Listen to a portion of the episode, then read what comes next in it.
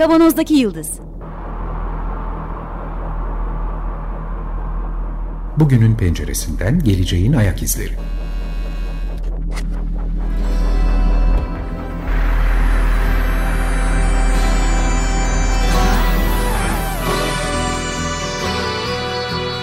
Hazırlayan ve sunanlar İsmail Başöz, Haluk Levent, Mustafa Yılmazer ve Fethiye Ergin. Zorlu Holding Sürdürülebilirlik Platformu Akıllı Hayat 2030, herkes için daha yaşanabilir bir dünya diler. Merhabalar, Açık Radyo'dayız. 95.0 Kavanoz'daki Yıldız programında sizlerle beraberiz yeniden. Geleceğin ayak izlerini sürmeye devam ediyoruz. Haluk burada, Merhaba. Mustafa burada Merhaba. ve ben İsmail beraberiz. Geçtiğimiz programlarda geçtiğimiz yılın bilimsel teknolojik gelişmelerinden bahsedip en son olarak da hayatın online platforma taşınmasını konuşmuştuk.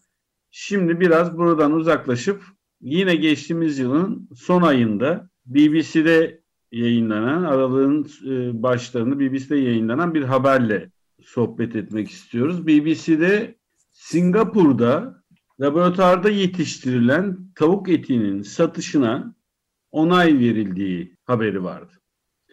Biz daha önce de Kavanoz'daki Yıldız programlarında yapay et diye adlandıracağımız ki programdan önce bayağı da konuştuk ne diyelim e, diye. Çünkü kültür eti e, diye de söyleniyor. Evet bu, bu şekilde bakıldığı zaman birçok yayına ulaşmak mümkün. Ama biz yapay et terminolojisini kullanacağız. E, ve bugün bundan e, bahsedeceğiz.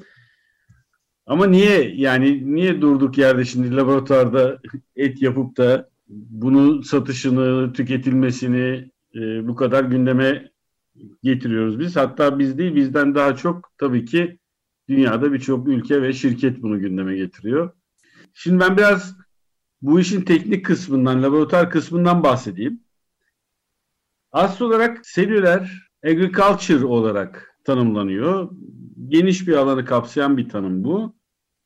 Buradaki hücresel ziraat ben biraz daha açarak kullanmak istiyorum. Canlı hücresi hatta hayvan hücresi tabanlı ziraat olarak tanımlamak istiyorum bunu. İki ayağı var. Bir tanesi fermentasyon tabanlı. Burada e, değişik kaynakları kullanarak herhangi bir canlı dokusunun doku parçası değil, mesela bakterileri, yosunları ya da mayayı kullanarak genetik modifiye edilmiş rekombinant DNA eklenmiş bu organizmaları kullanarak organik moleküller elde ediliyor. İşte jelatin, kazein, mesela kolajen elde edip laboratuvarda ya da fermentasyon sonucunda mesela deri, yapay deri imalatı için kullanılıyor. Ama bizim bugün bahsedeceğimiz bu yenebilir olan şu ana kadar büyük spekülasyonlara da yol açan yapay et ismini verdiğimiz uygulama. Bu diğer ayağı yani doku mühendisliği tabanlı bir çalışma aslında. 2000'li yılların başında NASA'nın ve özel bir şirketin çalışmalarıyla başlıyor. Aslında NASA niye giriyor böyle bir şeye? Eğer yapay eti yapabilirsek uzaydaki, uzay istasyonundaki astronotları da beslemek mümkün olabilir diye. Yerlerinde, yerinde üreterek, uzay istasyonunda üreterek bunu sürekli evet. tüketilebilir hale getirecekler. Değil mi? Aynen öyle. Bütün bu çalışmalar uzay çalışmalarından çıkıyor zaten. Daha önceki programlarda Mars'dan bahsederken söylemiştik. Mars'a gidip gitmemek hedef olarak çok önem taşımıyor. Bu hedefin gerçekleşmesinden öte bu yolda neler olacağını, neler olabileceğini konuşmuş ve bunun daha önemli olabileceğini söylemiştik. Bunlardan biri de bu işte. Yani oraya insanı göndersek ne kadar et gö- götürebilecekler yanlarında? Onlar Yanına keçi, keçi koyamayız, tavuk koyamayız. Ya da büyük, daha büyük, daha büyük baş hayvanlar da var. Zor olacak bu. Sığır, domuz, soğan yani. o yüzden de e, laboratuvarda üretmek istiyorlar bu eti. Aynen öyle hocam. Ee, şimdi bu laboratuvarda üretilen et yararlarından, faydalarından sonra bahsederiz detaylı olarak ama genel olarak en başta hayvanların acı çekmesini temelde engelleyen bir yöntem. Çünkü hayvan canlı hayvana ihtiyaç duymayacak bir yöntem bu. E, peşinden yine doğaya çok büyük bir e, fayda sağlayacağı iddiası var. Bunlardan bir tanesi arazi kullanımının canlı hayvan üretimi için o geniş arazilerin kullanımının azalacağını iddia eden bir yaklaşım. E, su tüketiminin yine canlı hayvan üretimindeki su tüketiminin çok azalacağını aynı zamanda da bir parantez açayım mı orada? Bu ya büyükbaş hayvanların yetiştirilmesinde hem hayvanlara mera olarak sunulan yerlerin ve bunların sulanmasından dolayı su tüketimi çok fazla hem hayvanın kendi tükettiği su çok fazla ciddi şeyi olarak hani su tüketimiyle ilgili kısmı orasıydı. Onu açmak gerekiyor diye onu baştan yani Burada şöyle bir rakam da verebilirim tabii. Bir büyükbaşın günde 60 litre su içtiğini, o büyükbaşı beslemek için yonca, mısır gibi fi, yulaf gibi e, şeyleri yetiştirmek gerekiyor. Bunlardan özellikle mısır zaten çok su isteyen bir şeydir. Yani e, diğer bütün benzer bitkilerle karşılaştırıldığında çok fazla su gerektiren bir şeydir. O yüzden e, bir kilo etin karşılığında, büyük baştan alınan bir kilo etin karşılığında herhalde çok büyük miktarlarda su e, tüket şeyi e, su karşılığı yani bir kilo etin su karşılığı birkaç ton diyeyim size 6-7 ton civarında falan. Evet. Ve bir de elbette şu anda çok da gündemde olan çok da duyduğumuz sera gazı etkisi yaratan evet. E, metan üretim, metan gazı temelli e, sera gazı üretiminin çok azalacağı söyleniyor. Hayvanlardan çıkan sera gazları gerçekten şu anda iklim değişikliğinin en temel sebeplerinden biri olduğu. Yani orada da bir hesap var. %5 ee, mi %8 mi ben bir yerde okumuştum. %17. %17 hesaplanıyor. Yani toplam üretilen sera gazlarının %17'si endüstriyel hayvancılıktan geliyor. Evet. Buna karşı laboratuvarda yine aynı içeriğe sahip bir besin yani et üretme çalışmaları gündeme geldi. Evet 2000 yılında NASA ile başlamıştı dedik. Daha sonra yavaş yavaş bu çalışmalar yayılmaya başladı. 2008 yılında PETA 1 milyon dolar ödül koyuyor. Laboratuvarda üretilecek eti ilk üreten firma için 1 milyon dolarlık bir ödül koyuyor. Yani Dünya Hayvan Hakları Örgütü de destekliyor bu çalışmaları.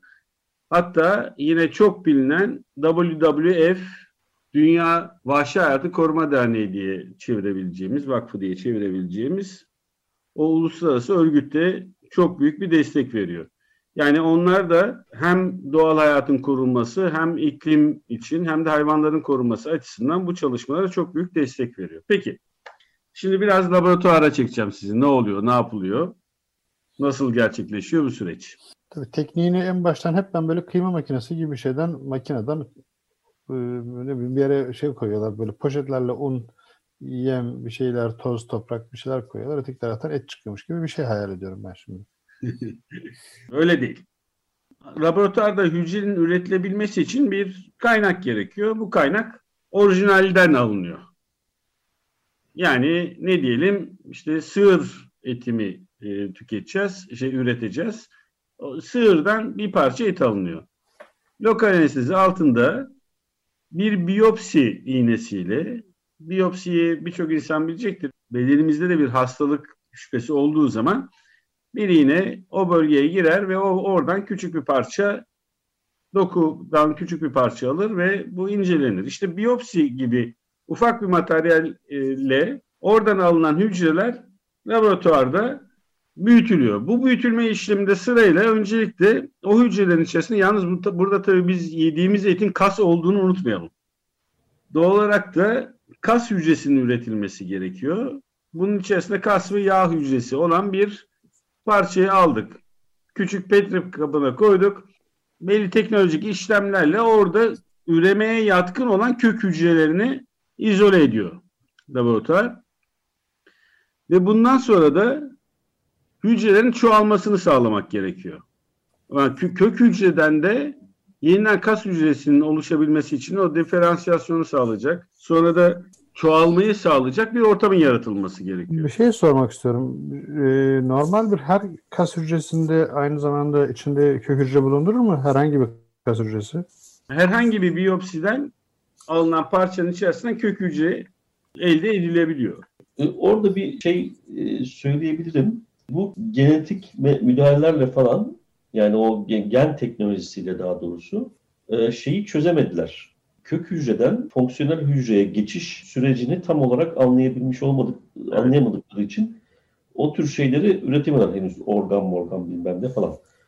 Ama e, geriye doğru reverse engineering yaparak herhangi bir fonksiyonel hücreden kök hücresini ayrıştırabilir. Çok uzun zamandır yani bu gen teknolojisi gelişmeden önce e, bunu evet. başarmışız zaten.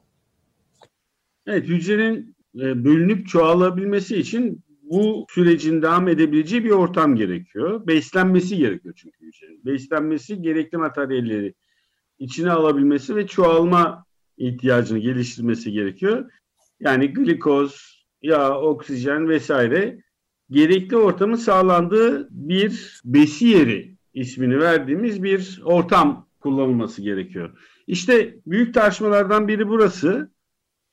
Bu besi yerinin yapımı ve ne tür besi yeri kullanılacağı gerçekten zaten bu sektörün de önemli bir e, parçası, önemli bir ayağı, önemli bir modülü. Şu ana kadar yine hayvan serumu kullanıldı. Fakat ilk başta bunu gerçekleştirmek için fetal sığır serumu yani ana karnındaki buzağının kanından elde edilen serum kullanılarak bu hücrelerin beslenmesi, üremesi, çoğalması sağlandı.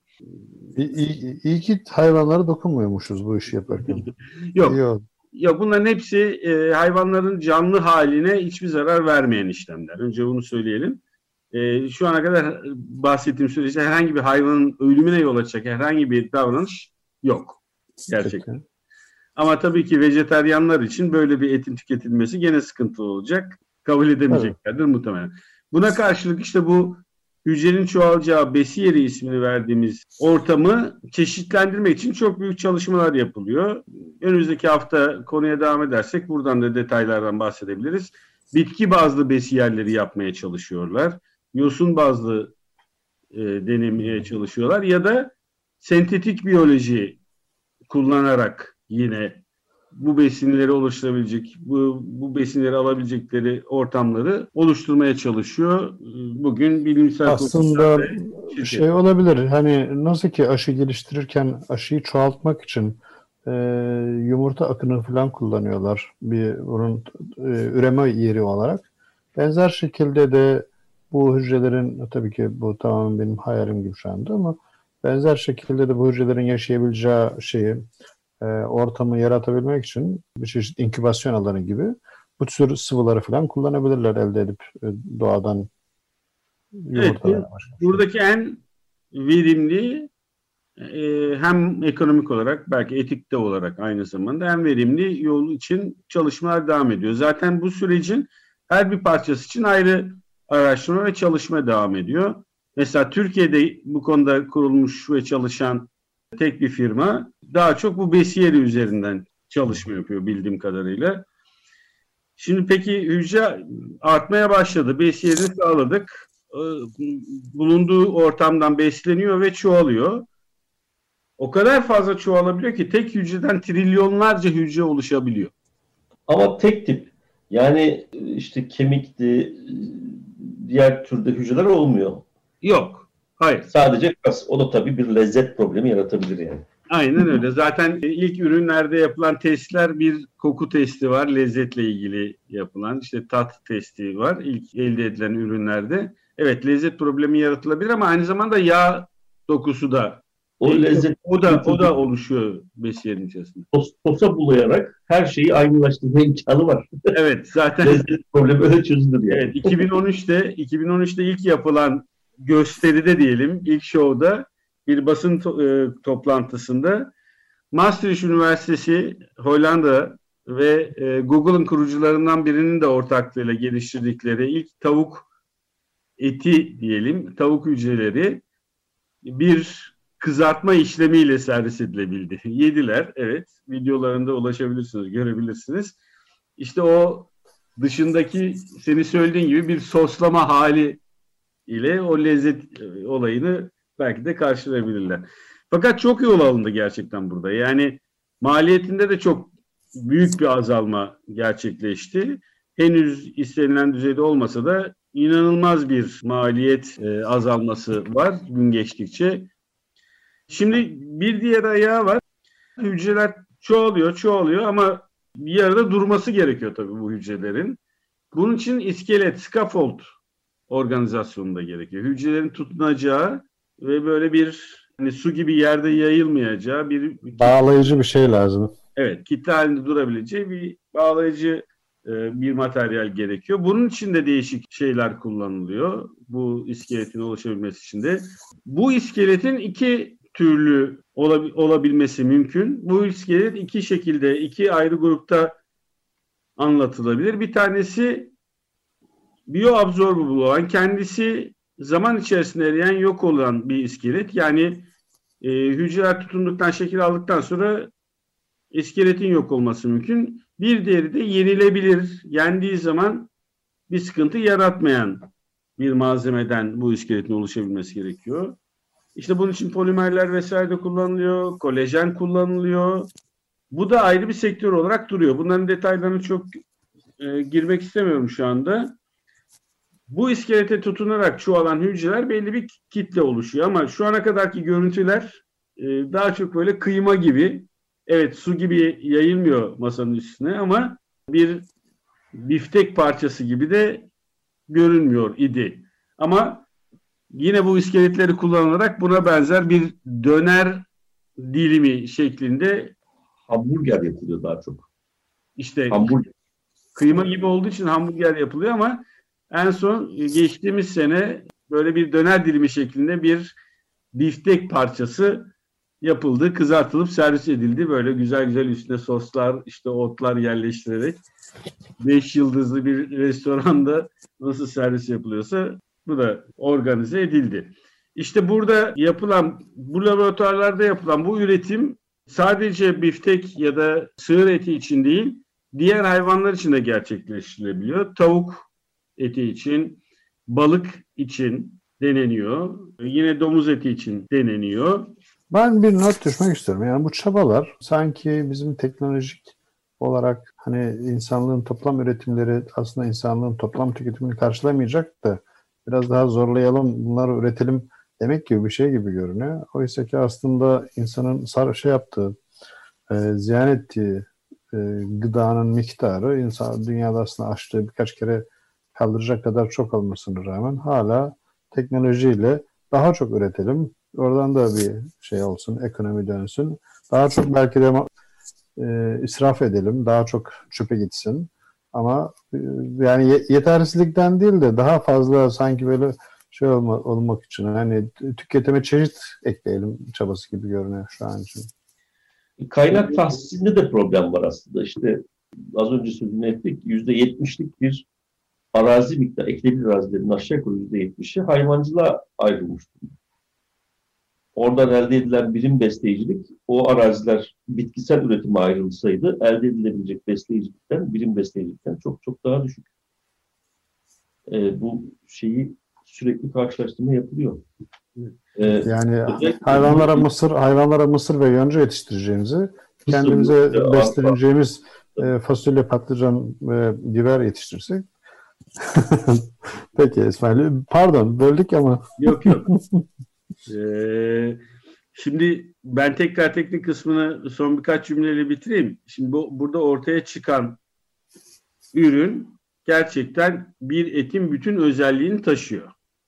İçinde olması gereken işte lezzet vesaire ama yine de elbette o doğadan alınan işte mineraller vesaire konusunda ne kadar benzer içerik var bunlar biraz tartışmalı tabii ama protein özelliğini taşıyor protein beslenmesinin çok önemli bir e, beslenmenin çok önemli bir parçası olduğunu biliyoruz gerçekten. Özellikle çocuklar için vücudun yapı taşı olarak yani büyüyen organizmaların en çok ihtiyaç duyduğu şey, temelde ihtiyaç duyduğu şeyin protein olduğunu biliyoruz ve bunu da buradaki bu laboratuvarda üretilen yapay etlerle de protein ihtiyacını sadece buradan karşılamak gerekmiyor. Tabii ki bitkilerden de kaynaklanan protein var. Bunu biliyoruz. Bunu kenara tutalım. Et hayvansal gıda ihtiyacını karşılanabileceği 2050 yılında Mustafa sen programdan önce söylemiştin. E, bunun çok büyük bir yer tutabilme ihtimalini Dünya Gıda ve Tarım Örgütü mü? E, FAO, Food and Agriculture Organization. Dünya Gıda ve Tarım Örgütü. Evet. Onlar da 2050 yılında bu tür etlerin, yapay etlerin tüketiminin çok büyük bir yer tutacağını öngörüyorlar ve destekliyorlar bildiğim kadarıyla. Tamam. Evet peki ne olacak? Yani bu buraya geçerse sadece etin bolluğundan mı bahsedeceğiz? Bütün dünyaya eşit herkesin ulaşabileceği bir et kaynağından mı bahsedeceğiz? Sadece bir kere bu, bu mümkün mü? Bu sistem içerisinde, bu üretim ve dağıtım sistemi içerisinde bu da çok fazla mümkün değil zaten. E, hayvan hakları açısından aslında oldukça şey, nefes aldırır bir şey. Yani e, bu tür hayvansal gıdaları şu anda canlı hayvanlardan tüketmeyi vahşet olarak gören e, veganlar için bunlar yani çok kendilerini çok haklılardır. E, veganlar için bu, bu yeni durum daha tolere edilebilirdir hayvan hakları açısından. Bu anlamda destek bulabilirler o taraftan. Tarımla ilgili Haluk'un söylediği notlardan dolayı da yani sonuçta ciddi bir tüke, su tüketimleri, işte metan üretimleri, e, sera gazı etkisine olan katkıları bunlara bakacak olursak da avantajlı olabilir belki. Şeyin var mı bu et, bu et üretiminin su tüketimi, bu et üretiminin metan emisyonu e, ya da metan salınımı ile ilgili bir şey. Enerji çok önemli. Enerji evet, için de. Şimdi o, o konuda çalışmalar 2000'lerin başından beri devam ediyor. 2011'de Tuomisto ve arkadaşları çalışmışlar e, ve Environmental Science and Technology dergisinde yayınlanmış bir makalede %90 ortalama %90 oranında daha az sera gazı salınacağını söylüyorlar. Yapay et üretimiyle. Yüzde yine ortalama 90 civarında daha az su kullanılacağını eğer eşdeğer bir üretim yapılırsa yapay etle şu anki canlı hayvan stoğundan elde edilenleri karşılaştırdığımızda %90 oranında 82-96 diye söylüyor. Ben ortalamaları söylüyorum hep. Daha az su kullanılacağı söyleniliyor. En önemli ayaklarından biri programın başında da söylediğimiz gibi arazi kullanımında çok büyük bir azalma. %99'a kadar azalma. Yani 100 birim arazi kullanılıyorsa bir birim bu laboratuvarda üretilecek et için kullanılacağı söyleniyor. Geri kalan arazinin elbette ki AVM ya da bina yapmak yerine tarıma geçeceğini biliyoruz tabii ki. Yani zaten tarımsal araziden bahsediyorum. Hayvancılıktaki de tarımsal arazi sayılır. Tabii ki tarımsal arazi ama biz Türkiye'deki pratikleri biliyoruz yani. Ee, ben şöyle bir şey ekleyebilirim burada. Bir kilo değişik hayvanlardan edilecek et için ne kadar karbondioksit salıyoruz atmosfere diye baktığımız zaman canlı ıı, balık yetiştiriciliğinde yani balık çiftliğinde yetiştirilen balıklar için bir kilo ıı, balık eti için yaklaşık iki buçuk kilo karbondioksit salıyoruz. Bir kilo domuz eti için, tabii Türkiye için geçerlidir ama istatistiklerde bunlar görünüyor. Bir kilo domuz eti için yaklaşık 10 kilo karbondioksit salıyoruz ve 1 kilo büyükbaş hayvan için, hayvan eti için 30 kilo karbondioksit salınımı yapıyor şu anda çiftlikler. Yani baktığımız zaman aslında karbon ayak izi olarak büyükbaş hayvanların karbondioksit salınımlarının dolayısıyla sera gazı etkisinin çok daha yüksek olduğunu görüyoruz. Ee, ee ama bütün çalışmalarda ortak olarak söylenen arazi kullanımının çok büyük bir avantaj yaratacağı ortak payda şu an için eğer e, et üretimi laboratuvarda e, gerçekleşirse. Tüm bu süreçteki en büyük dezavantaj da henüz daha çok net ortaya çıkmayan ama ön kesim modellemelerle yapılan her ikisinde de enerji kullanımı işte elektrik ya da ısıtmak için kullanılan doğal gazı vesaire falan filan da kullanılacak. Enerji tüketiminin her ikisinde de yaklaşık aynı olduğu savı var. Bunların detaylarını önümüzdeki haftada konuşuruz. Bir de olayın e, etik boyutu var, toplumsal algı boyutu var, düzenlemeler var. Bunlar için önümüzdeki hafta daha detaylı bir sohbet yapma planındayız. Evet, bu haftalık da programın sonuna geldik. Bugün Singapur'da artık markette satılmasına izin verilen yapay et konusunda biraz sohbet ettik. Bu programın size ulaşmasını sağlayan bütün arkadaşlara, Açık Radyo çalışan arkadaşların hepsine çok teşekkür ediyoruz. Destekçimize içten teşekkürlerimizi iletiyoruz. Önümüzdeki hafta görüşmek üzere. Sağlıkla kalın. Hoşçakalın. Hoşçakalın.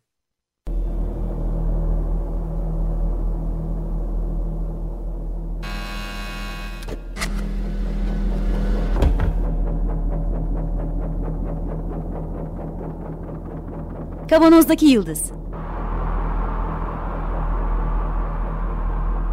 Bugünün penceresinden geleceğin ayak izleri.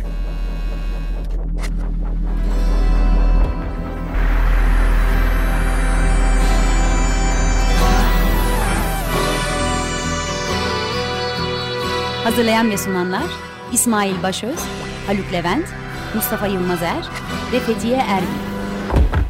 Zorlu Holding Sürdürülebilirlik Platformu Akıllı Hayat 2030 sundu.